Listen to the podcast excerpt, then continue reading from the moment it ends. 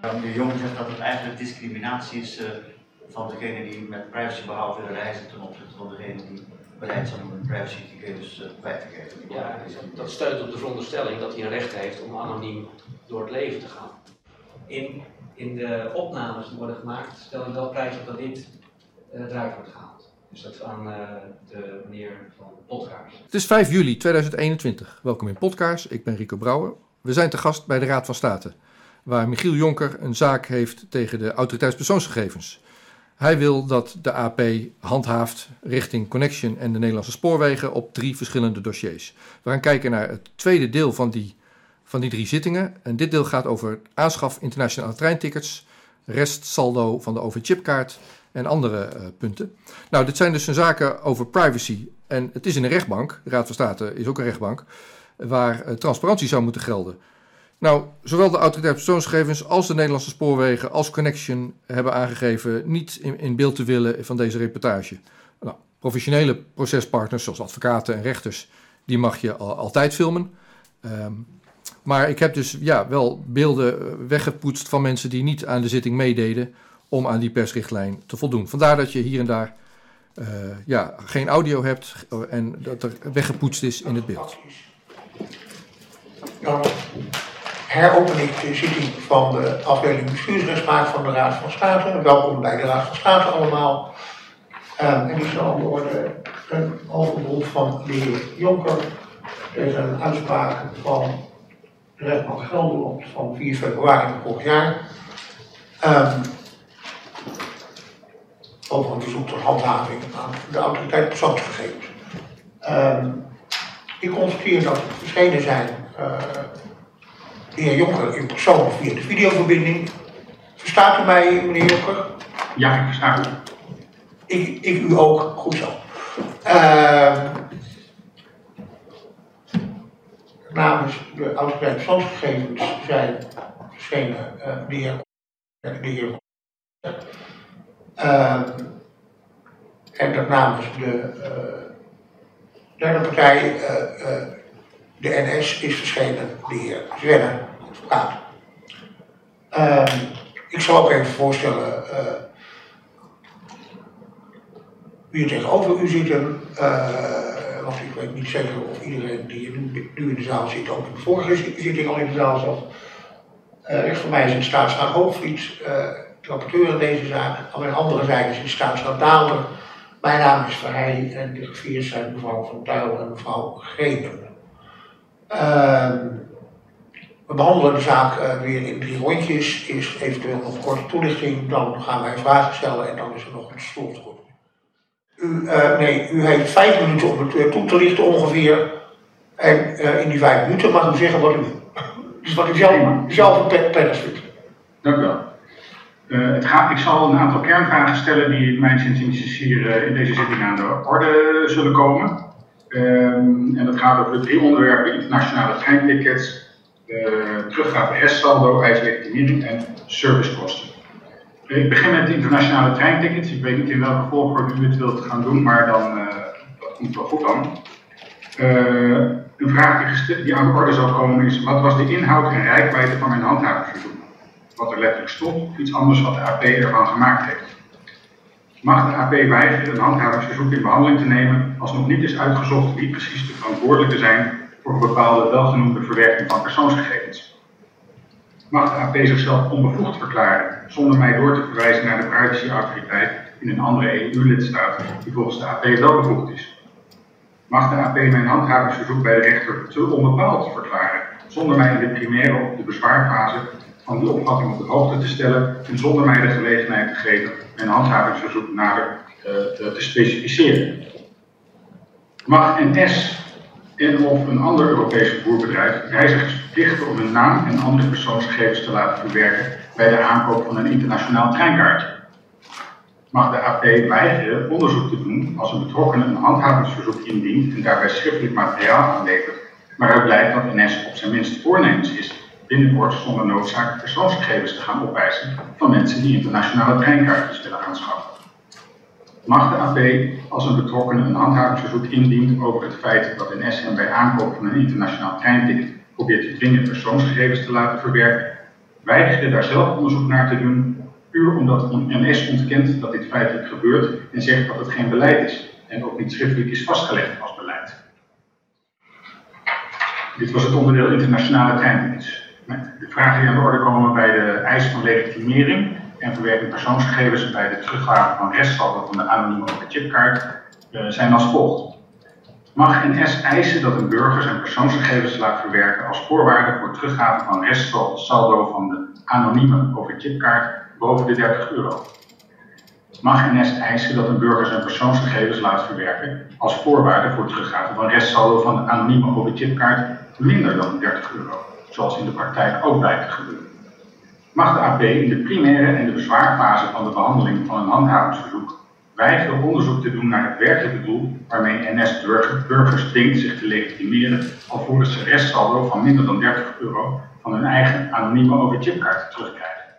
De verzoeken van Jonker zijn gebaseerd op de veronderstelling dat de AVG en het EVRM aanspraak geeft op volledige anonimiteit. Om anoniem door het leven te kunnen gaan. Nou, daar valt van alles over te zeggen. Je kunt je afvragen hoe veilig is een samenleving waarin we anonimiteit op die wijze gaan, uh, gaan realiseren. Het feit is dat nog de AVG, nog het EVM die aanspraken ondersteunt. Als ik het heb over de AVG kan ik verwijzen naar nou, uw uitspraak over de afvalpas van een uh, week of wat geleden. Uh, waar u nu gewoon zo voor zegt, uh, de AVG verbiedt niet de verwerking van deze persoonsgegevens. We hebben het niet over bijzondere persoonsgegevens, we hebben het over gewone persoonsgegevens. Maar ook zou kunnen worden verwezen naar overweging 4 van de AVG, die zegt je moet dat gegevensbeschermingsrecht zien in relatie tot de functie ervan in de samenleving. En het moet altijd worden afgewogen tegen talloze andere belangen, zoals onder andere genoemd in die overweging 4. Um, ehm, ik denk dat dat het vertrekpunt moet zijn voor deze zaak.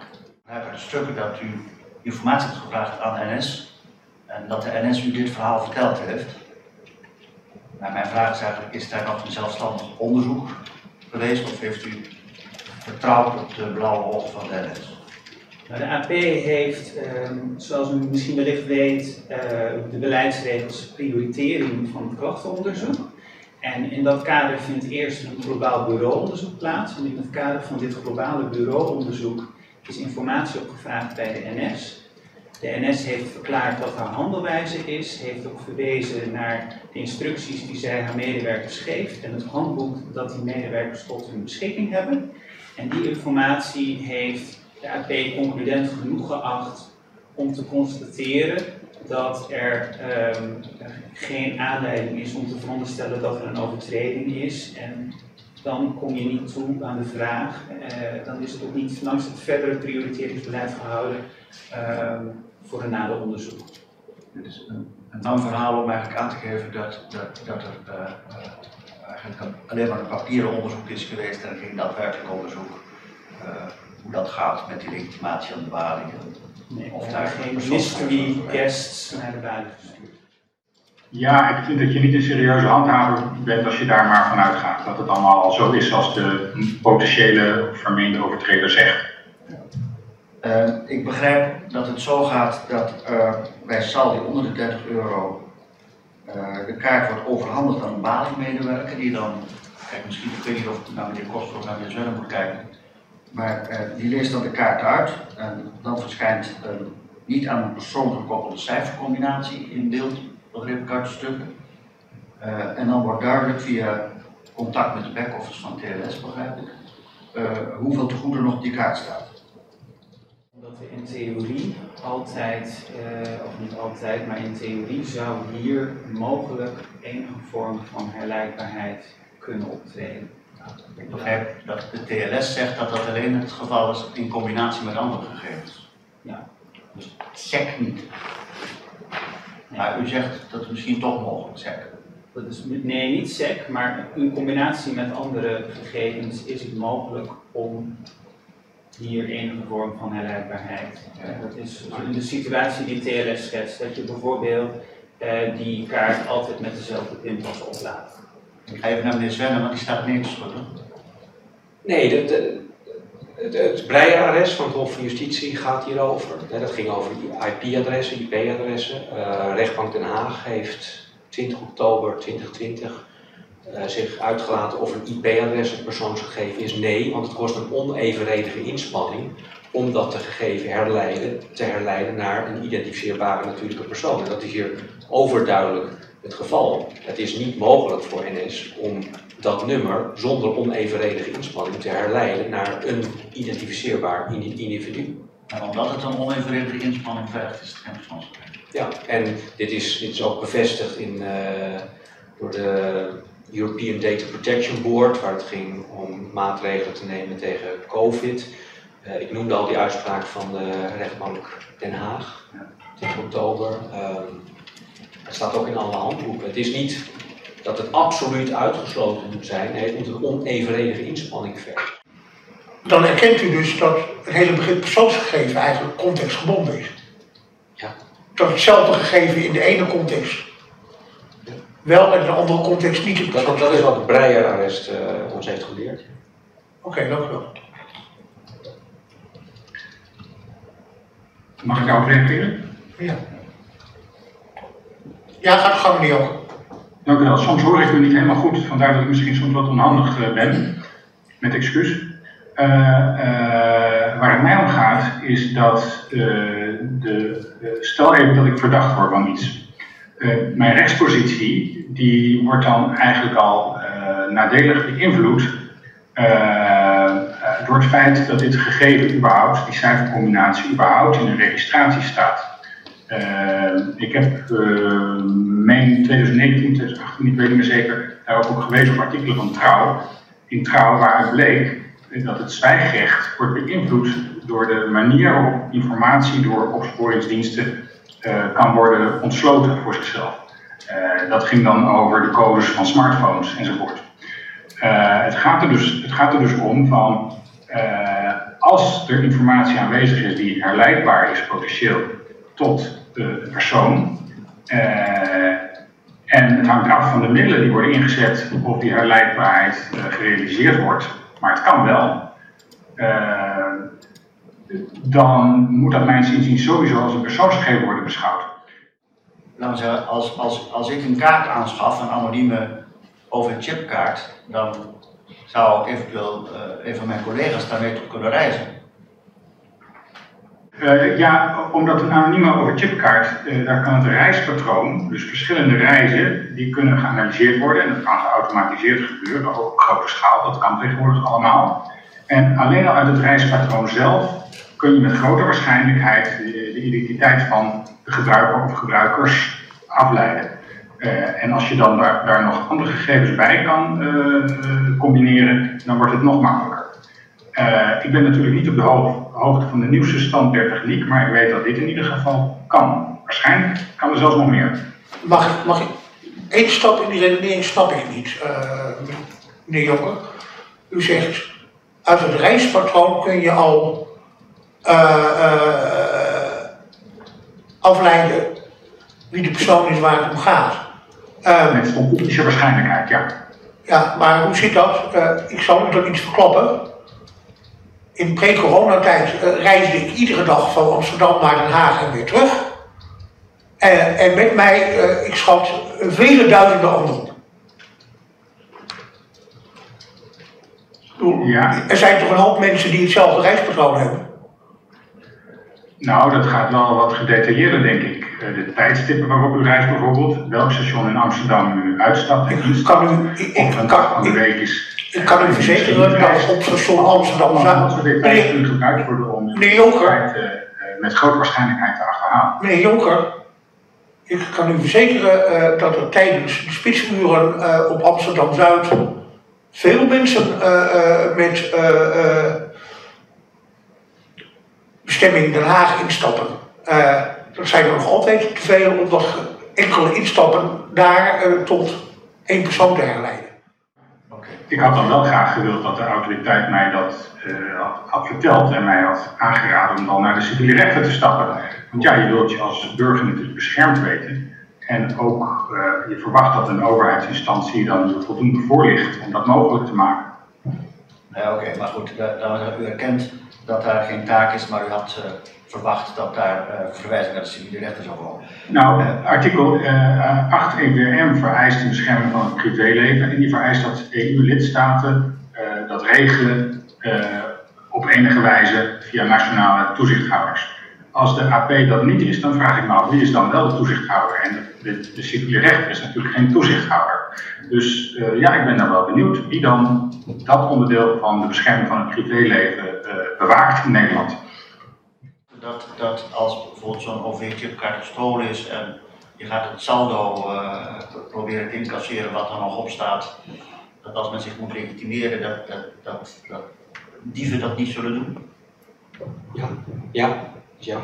Maar is het dan is het, is, is het mogelijk om na te gaan dat een bepaalde anonieme chipkaart is gestolen? Zijn er lijsten van? Niet, nee. Maar als ik, Maar- maar, ik vind ergens een, een, een OV-chipkaart en ik kom bij de balie en zeg mag ik even het saldo? Dat kunt u doen. En En dan, ik, ik toon mijn rijbewijs. eh, eh, eh, is, er dan iemand die zegt van hé, hey, die hoogvliet die, die, die, die komt met een OV-chipkaart die niet zelf ooit gekocht heeft? Nee. maar eh, het blijkt toch dat een zakkenroller om die reden terughoudend zal zijn met het incasseren van de 30 euro die nog op het overchipkaart staat. In termen van de AVG is de NS dan verwerker. Die zet het door. Niet de verwerkingsverantwoordelijke. Nee, dat is niet de verantwoordelijkheid van NS. Dat is TLS volgens u. Dat is TLS. Maar TLS handelt toch een opdracht van TLS.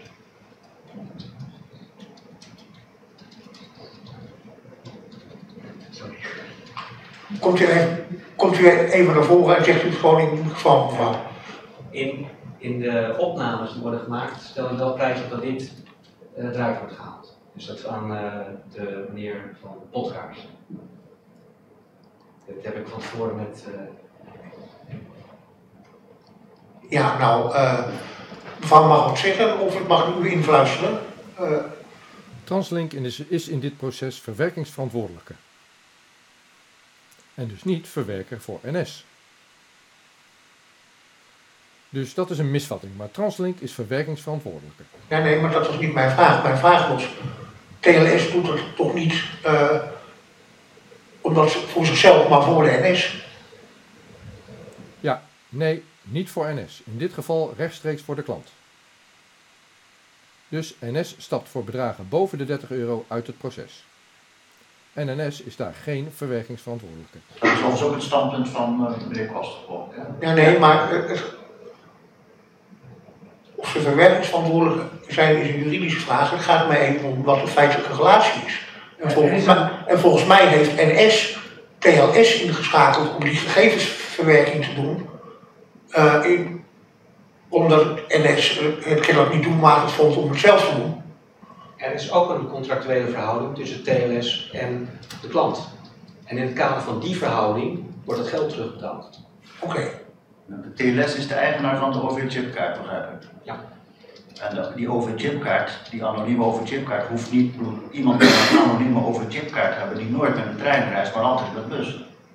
Ja, dus dan komt het bij TLS. En TLS Ja. die handelt het af. En TLS is, als ik het goed heb begrepen, eh, eh, ja, een soort opgericht door allerlei vervoersbedrijven. Ja. Ik, ik refereer nu aan geloof ik, informatie die we in de vorige zitting hebben gekregen, waar meneer Jonker niet bij was.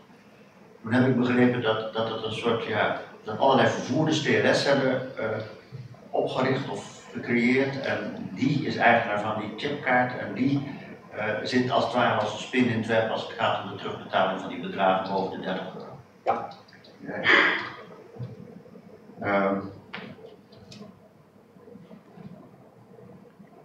ja, meneer de Jonker. ehm, Ja. ehm, Ik heb hier over al gesproken over deze verwerker over wie de... is. Oh, pardon. Eh, De, de vraag was nu even wie verwerker en wie verwerkingsverantwoordelijk is. Eh, ik begrijp uw stellingen zo dat u zegt van nou, als, als het zo is dat in dit geval TLS eh, de verwerkingsverantwoordelijk is, dan had de AP daarna een onderzoek moeten instellen. Eh, niet alleen dat, maar ik heb al eerder gewezen in mijn stuk ook op de, de wisseltruc die NS en TLS hier proberen uit te halen.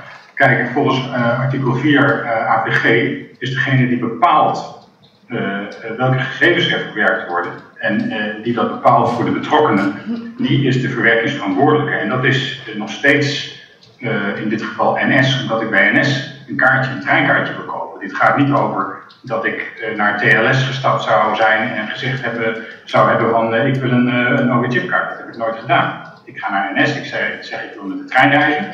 En dan zegt NS, ja nou dan moet je een OV-chipkaart en bovendien moet je dan een contract hebben met TLS. Maar volgens artikel 4 AVG uh, is NS dan gewoon de verwerkingsverantwoordelijk. Maar inderdaad, uh, ik ben het met u eens dat als TLS verwerkingsverantwoordelijk zou zijn, wat niet het geval is, dan had AP daarna een onderzoek Ik gaf alleen maar. Maar het is natuurlijk bizar Dus dat u, u, u als je zegt dan van lager dan 30 euro terugkrijgt, dat, je dan, dat dan de een van het werk, verwerkingsverantwoordelijke zou zijn. En dat als het bedrag 31 euro is, dat de verwerkingsverantwoordelijke dan plotseling een ander is. Dat is alleen al bizar om te bedenken. Ik weet niet hoe ze dit bedacht hebben. Uh, er wordt ook nog gesproken in de stukken over, een, uh, over het Atlantisch systeem. Daarbij worden begrijp ik wel persoonsgegevens verwerkt.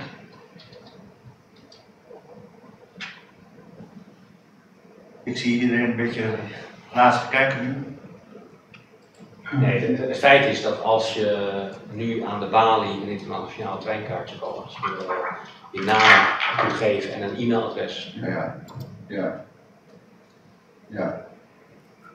Uh, dus op dit moment is bij het internationaal treinvervoer moet je altijd persoonsgegevens verstrekken die verwerkt worden. Ja, tenzij je op het perron kaartjes koopt uit de automaat met contant geld, dat kan ook.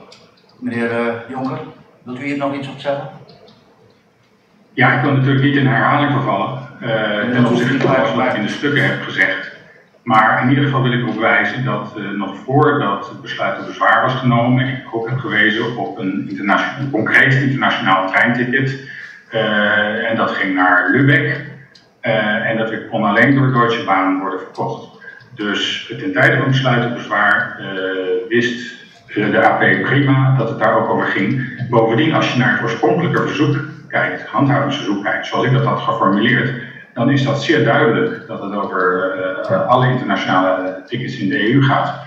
Dus ik, ik vraag u dan om naar de oorspronkelijke tekst van mijn handhavingsverzoek te kijken. Ja, ik begrijp uh, dat u uh, zegt in ieder geval ten tijde van een beslissing op het bezwaarschrift, was het zo dat ondanks het feit dat de verplichting niet bestond, aan de balies wel de indruk werd gewekt dat u persoonsgegevens moest vrijgeven. Dat heb ik zelfs op schrift aangeleverd bij de AP, omdat een medewerker van de vriendelijk was daar iets over op te schrijven en naar mij mee te geven. Dus de AP had notabene schriftelijke informatie dat dat aan de hand was. Ja, meneer Jonker die schrijft op bladzijde 161 dat het een soort catch-22 situatie is. Hè? Je, of je, je, je, je, geeft je persoonsgegevens en dan heb, dan heb je ingestemd en is je bescherming weg. Of je weigert ze, uh, uh, dan kun je weliswaar niet reizen, maar dan is er geen verwerking en ook geen bescherming. Die worden door de hond of door de kat gebeten, zo begrijp ik de stelling een beetje. Meneer Jonker knikt ja. Ja, ik kan het niet volgen, maar overigens begrijp ik van NS dat ook thans, hè, dat is niet de situatie waar de AP over moest oordelen, maar ook thans het nog steeds mogelijk is om kaartjes te kopen uh, zonder dat je je persoonsgegevens hoeft af te geven. Dat is dan uh, via de automaat ja, op en een dat, perron waar je munt in moet gooien. Nee, dat is geen ontmoedigingsbeleid, maar het kan nog wel. Maar ja, uh, soms. Heeft, heeft het, zou het feitelijk niet dat effect kunnen hebben? Dat, dat als, je, als je met een, met een uh, grote zak munt uh, naar het station moet om de automaat te vullen, dat je dan zegt van nou laat maar, ik, ik geef toch mijn persoonsgegevens maar vrij. Ja, ik vind dat nogal speculatief. Ja, natuurlijk, dat, dat kan. Um, kijk, ieder voordeel heeft zijn nadeel, zei Cruijff. Um, het voordeel is dat je anoniem reist, het nadeel is dat je met een zak munten op zak moet. Ja, wat en, en op hoeveel plekken is dat nou precies mogelijk uh, bij zo'n automaat? Is dat, dat, ik begreep vorige keer dat dat lang niet op alle stations kan. Alle grote stations hebben volgens mij zo'n automaat. Grote stations wel, maar er zijn natuurlijk heel veel stations. Is er een percentage aan te geven van, van op sommige stations kan het, op andere niet? Ik, ik heb dat niet, wij hebben dat niet paraat. Die, die, die ruimte niet. Ja, meneer Jong zegt dat het eigenlijk discriminatie is uh, van degene die met privacybehoud willen reizen ten opzichte van degene die bereid zijn om hun privacygegevens uh, kwijt te geven. Ja, dat steunt op de veronderstelling dat hij een recht heeft om anoniem door het leven te gaan. En de Ja, AVG... en dan komen we weer, dan het cirkeltje rond, dan komen we bij de opmerking waar u mee begon. Zeker. Nou, dan tenslotte op de basisonderstelling van meneer Zwende van, eh, hij, hij legt mij in de mond dat ik zou beweren eh, dat eh, eh, Nederlandse of EU-burgers eh, het recht zouden hebben om anoniem door het leven te gaan. Maar dat vraag ik helemaal niet. Ik vraag alleen dat als ik een reis met het openbaar vervoer maak, dat dan niet geregistreerd wordt op welke plaatsen en tijden ik dat doe. Dus door mijn mijn verwachting eh, omtrent mijn basisrecht op te blazen tot een enorme proportie, probeert meneer Zwenne dat eigenlijk een beetje belachelijk te maken. Maar zo zit ik niet in elkaar. Ik vraag iets heel redelijks. Eh, puur dat ik niet gevolgd word, zoals dat ook tot 2014 eh, niet het geval was. Dank u wel. Goed, dank u wel. Eh, meneer Koster, heeft u nog slotopmerkingen? Nee, dank u meneer voorzitter. Meneer Zwenne? Nee, dank u wel. Goed. Dan sluit ik over het onderzoek ter zitting in deze zaak. Eh, we gaan over deze zaak uiteraard ons beraden en dan uitspraak doen. Het gaat hier vandaag over saamhorigheid. Dagje zonder hemel. Rustig, liegt niet. Normaal maken is wat niet is normaal. Alleen Every nation in every region now has a decision to make. Decision to make. Decision to En dan ook geen hel meer. You think I'm joking? Predator Dat drones. is best makkelijk. You will never see it coming. Je alle mensen Laat staan dat ik eh, kan ingaan over vuur. bezig met vandaag?